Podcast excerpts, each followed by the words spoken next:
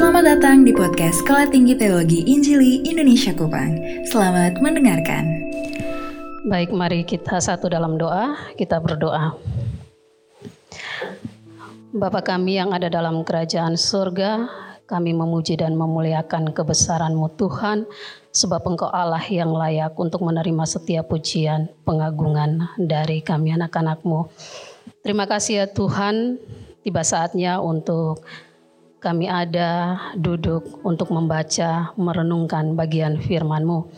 Roh Kudus menolong kami mengartikan firman-Mu dalam kehidupan kami pribadi lepas pribadi, sehingga kebenaran yang akan kami renungkan siang hari ini boleh sungguh mendapat tempat dalam kehidupan kami, menguatkan, meneguhkan, dan mengubahkan kehidupan kami untuk boleh menjadi pribadi-pribadi yang lebih baik lagi. Terima kasih ya Tuhan, hambamu yang Tuhan percayakan untuk menyampaikan firman-Mu siang hari ini. Hambamu penuh dengan keterbatasan dan kekurangan. Tapi biarlah dalam kekuatan kuasa rohmu yang kudus, Engkau sendiri yang akan menyatakan kebenaran-Mu bagi hambamu, sehingga setiap kebenaran ini boleh menjadi berkat bagi kami semua. Terima kasih ya Bapa di sorga, berfirmanlah karena kami sudah siap untuk membaca, merenungkan, dan melakukan firman-Mu. Di dalam nama Tuhan Yesus yang adalah firman yang hidup itu, kami berdoa. Amin. Baik, shalom. Sekali lagi shalom. Saya teringat ada salah satu pengkhotbah juga. Dia sebenarnya sudah biasa berkhotbah di mana-mana tetapi ketika dia dikasih kesempatan untuk menyampaikan firman Tuhan, sebelum dia berkhotbah dia bilang begini, saya itu sudah berkhotbah di mana-mana, tetapi ketika saya berdiri di mimbar untuk menyampaikan khotbah itu saya rasa gemetar. Gemetar itu pasti ada di dalam diri saya. Walaupun dia sudah biasa berkhotbah di mana-mana dan ternyata itu juga terjadi dalam diri saya. Walaupun saya juga biasa menyampaikan firman, membahas tentang firman, tetapi hal itu pun juga terjadi dalam diri saya dan saya percaya Bapak Ibu Saudara-saudari pun juga mengalami hal yang sama atau tidak? Mungkin ada yang tidak ya. Baik, Bapak Ibu Saudara-saudari yang diberkati oleh Tuhan Yesus Kristus, dua minggu kemarin uh, saya sempat membaca undangan yang diberikan oleh STEMI untuk mengikuti acara Natal bersama di Gedung Gor tanggal 5 kemarin. Dan ketika membaca itu ada yang meresponinya. Salah satu bukti mereka meresponi adalah saudara-saudara meresponi adalah pergi dan menghadiri acara tersebut. Ada yang pergi kan? Ada. Bahkan uh, mengabadikan momen tersebut. Ada laskar di tengah digandeng oleh dua permasyuri samping kiri kanan. Ada kan? Atau bukan? Tapi saya baca di bagian belakangnya ada tulis gor, jadi oh ya berarti ini so. Ada yang sudah sampai, mungkin karena pengaruh itu atau bagaimana sehingga sampai lambungnya kumat ya? Atau tidak?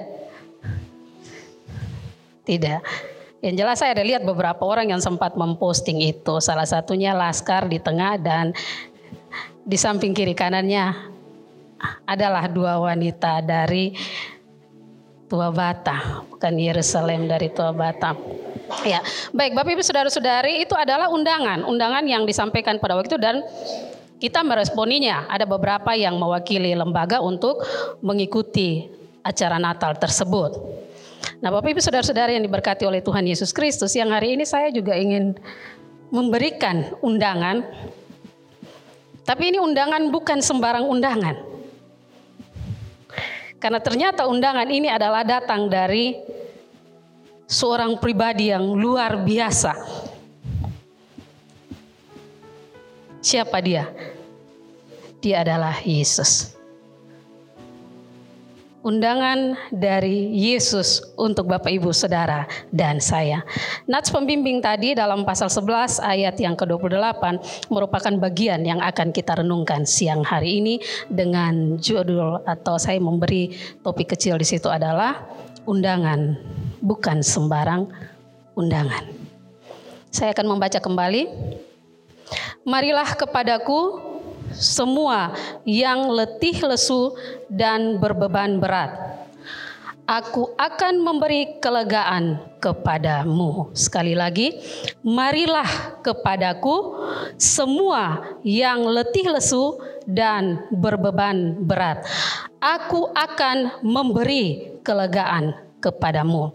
Saya tidak tahu waktu saudara mengikuti uh, ibadah Natal bersama itu saudara mendapat kelegaan atau tidak, mendapat sukacita atau tidak, tapi yang jelas adalah aura-aura yang menampakkan bahwa saudara berbahagia mengikuti acara tersebut. Nah, Bapak Ibu saudara-saudari yang diberkati oleh Tuhan, ajakan undangan dari Yesus kepada kita adalah marilah kepadaku. Kata marilah ini ini ternyata merupakan sebuah kata yang memiliki makna bukan saja perintah, tetapi juga merupakan sebuah himbauan.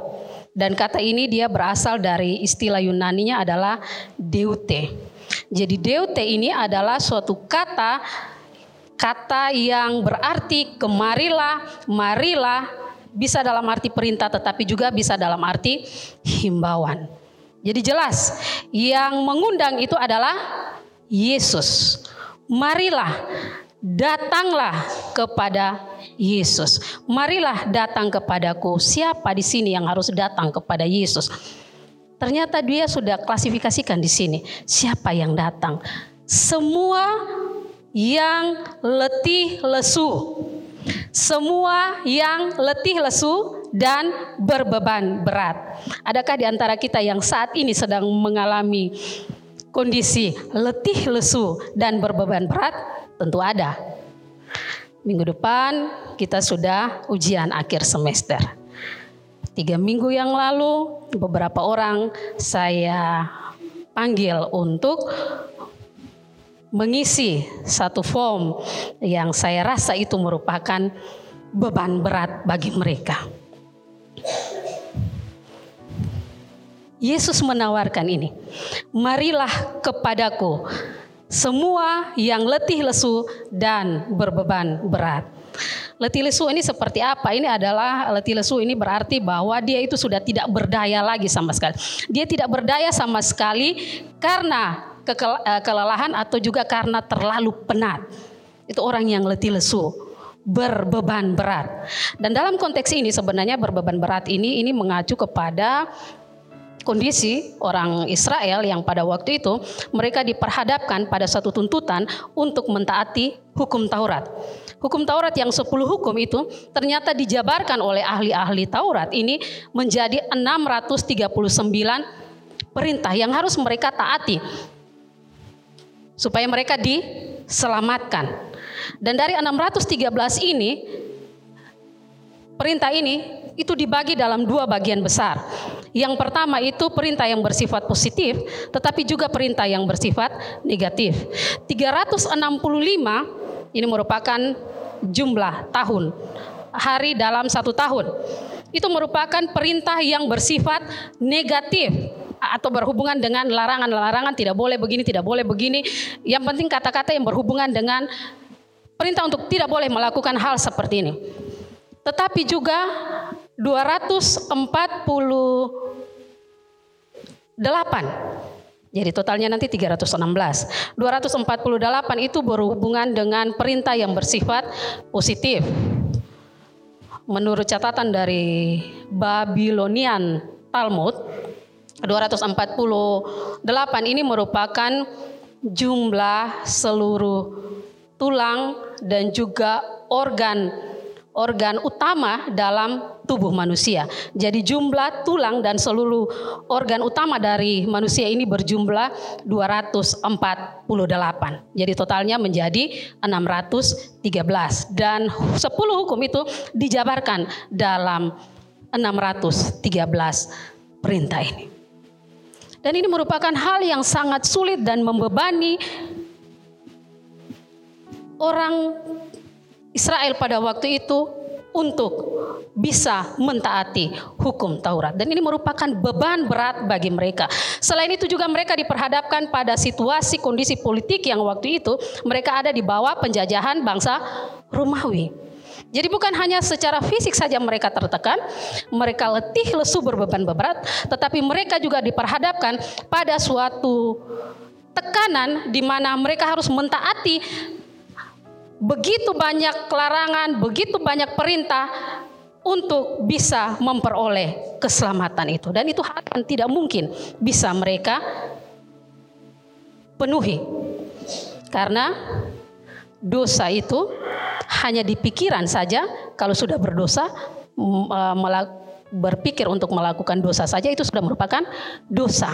Ya. Dan itu tidak mungkin, mustahil bagi mereka untuk bisa memperoleh keselamatan dengan mentaati hukum Taurat. Kondisi seperti inilah yang membuat Yesus berkata, "Marilah kepadaku semua yang letih lesu dan berbeban berat. Aku akan memberikan kelegaan kepadamu. Undangannya jelas. Isi undangannya pun jelas. Letih lesu berbeban berat, aku akan memberikan kelegaan kepadamu. Aku akan memulihkanmu, aku akan menyegarkanmu. Dalam terjemahan NIV dia menggunakan istilah restore. Restore itu artinya menyegarkan kembali. Kalau kita biasa berhadapan dengan komputer itu kalau sudah hapus kita bisa restore kembali kan? Ya. Jadi Yesus akan memberikan kelegaan, Yesus akan memulihkan, Yesus akan menyegarkan engkau dari segala keletihan, kelesuhan dan berbeban beratmu. Kita mungkin tidak ada sampai uh, bukan pada tahap-tahap ini lagi. Tetapi tentu kita punya beban tersendiri. Masing-masing kita punya beban tersendiri. Entahkah itu berkaitan dengan studi kita? Ya. Beberapa sudah masuk dalam ujian akhir semester yang sudah dimulai tadi. Soteriologi tadi sudah dimulai kan tingkat satu, ujian akhir semester. Tapi saudara-saudara masih diperhadapkan lagi pada minggu yang akan datang dengan begitu banyak mata kuliah yang harus diujiankan. Tadi setelah selesai kelas, saya mengingatkan ke tingkat tiga, jangan lupa kita ujiannya bukan di hari Rabu, tetapi di hari Selasa. Kemudian ada yang menjawab, mati tuh kita. Hari Selasa nih Yunani lagi, Ibrani lagi, berarti ini mau kasih mati. Apa Pak Tiga bilang, ini lebih bunuh saring kita. Karena apa? Karena merasa bahwa ini terlalu berat bagi tingkat tiga untuk menghadapinya. Perkuliahan hanya jarak Senin, eh, Selasa Rabu saja itu sudah berat. Apalagi itu ditambah lagi dengan ujian yang nanti digabung jadi satu hari. Walaupun ternyata prediksi mereka itu ternyata salah. Karena yang saya lihat ternyata hari Seninnya Yunani, hari Selasanya baru bahasa Ibrani. Ya. Itu beban yang saat ini yang memang yang saat ini sedang saudara-saudara hadapi. Ada yang saat ini saya saya tahu persis bahwa mereka sedang bergumul untuk bagaimana menyelesaikan. Ada beberapa nama, ada sekitar 40-an lebih yang kemarin saya kasih dan dari sekian banyak itu sudah ada yang bertemu saya menyelesaikan tetapi masih juga ada beberapa yang belum berani bertemu dengan saya. Entah apa yang menjadi penghalangnya saya tidak tahu. Tapi yang jelas itulah beban mereka. Kesempatan ini Yesus mengajak kita. Marilah kepadaku semua yang letih lesu dan berbeban berat. Aku akan memberikan kelegaan kepadamu. Maukah kita meresponi ajakan Yesus ini? Maukah kita meresponi undangan Sang Juru Selamat ini? Untuk menerima kelegaan darinya. Kalau undangan dari STEMI saja saudara bisa responi, apalagi Yesus Raja di atas segala raja. Respon kita tentu pasti berbeda-beda. Dan siapa yang meresponi undangan dari Yesus ini? Dialah orang yang akan mengalami kelegaan tersebut. Jangan tunggu nanti. Ajakannya sekarang, bukan tunggu nanti. Tetapi sekaranglah waktunya. Kita mungkin sudah diselamatkan, mungkin Saya yakin sudah, tapi saya tidak tahu yang lain yakin tidak. Ajakan ini juga bukan hanya berkaitan dengan keselamatan, tetapi juga berkaitan dengan tekanan-tekanan hidup, beban-beban hidup yang saat ini kita hadapi dalam kehidupan yang masih kita jalani ini. Sekali lagi, marilah kepadaku semua yang letih lesu dan berbeban berat. Aku akan memberikan kelegaan kepadamu. Ada sebuah pujian dengan judul Datanglah padanya. Mohon pemusik untuk memainkan musiknya.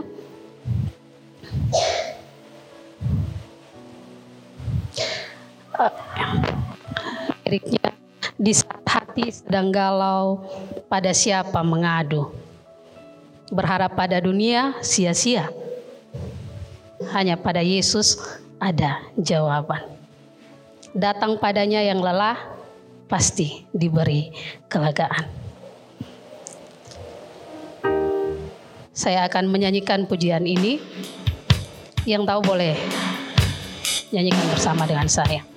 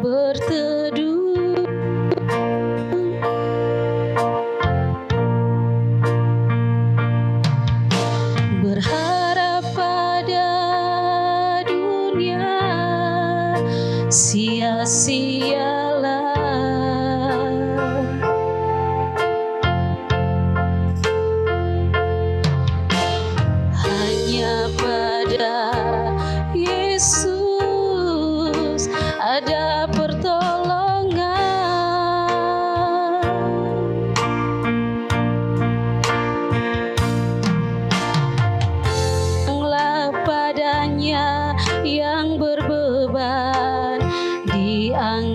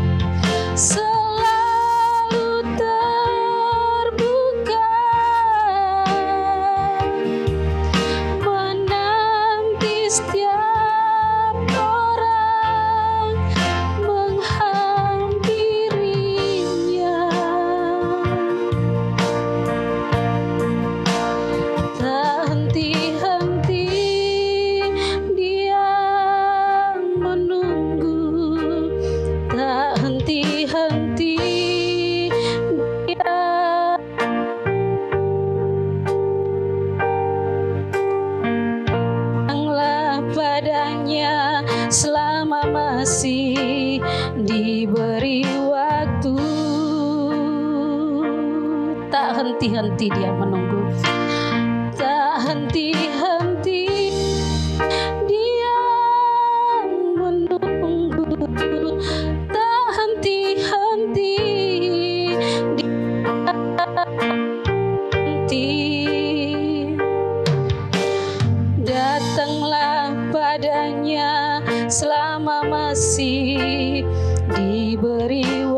Waktu datanglah padanya selama masih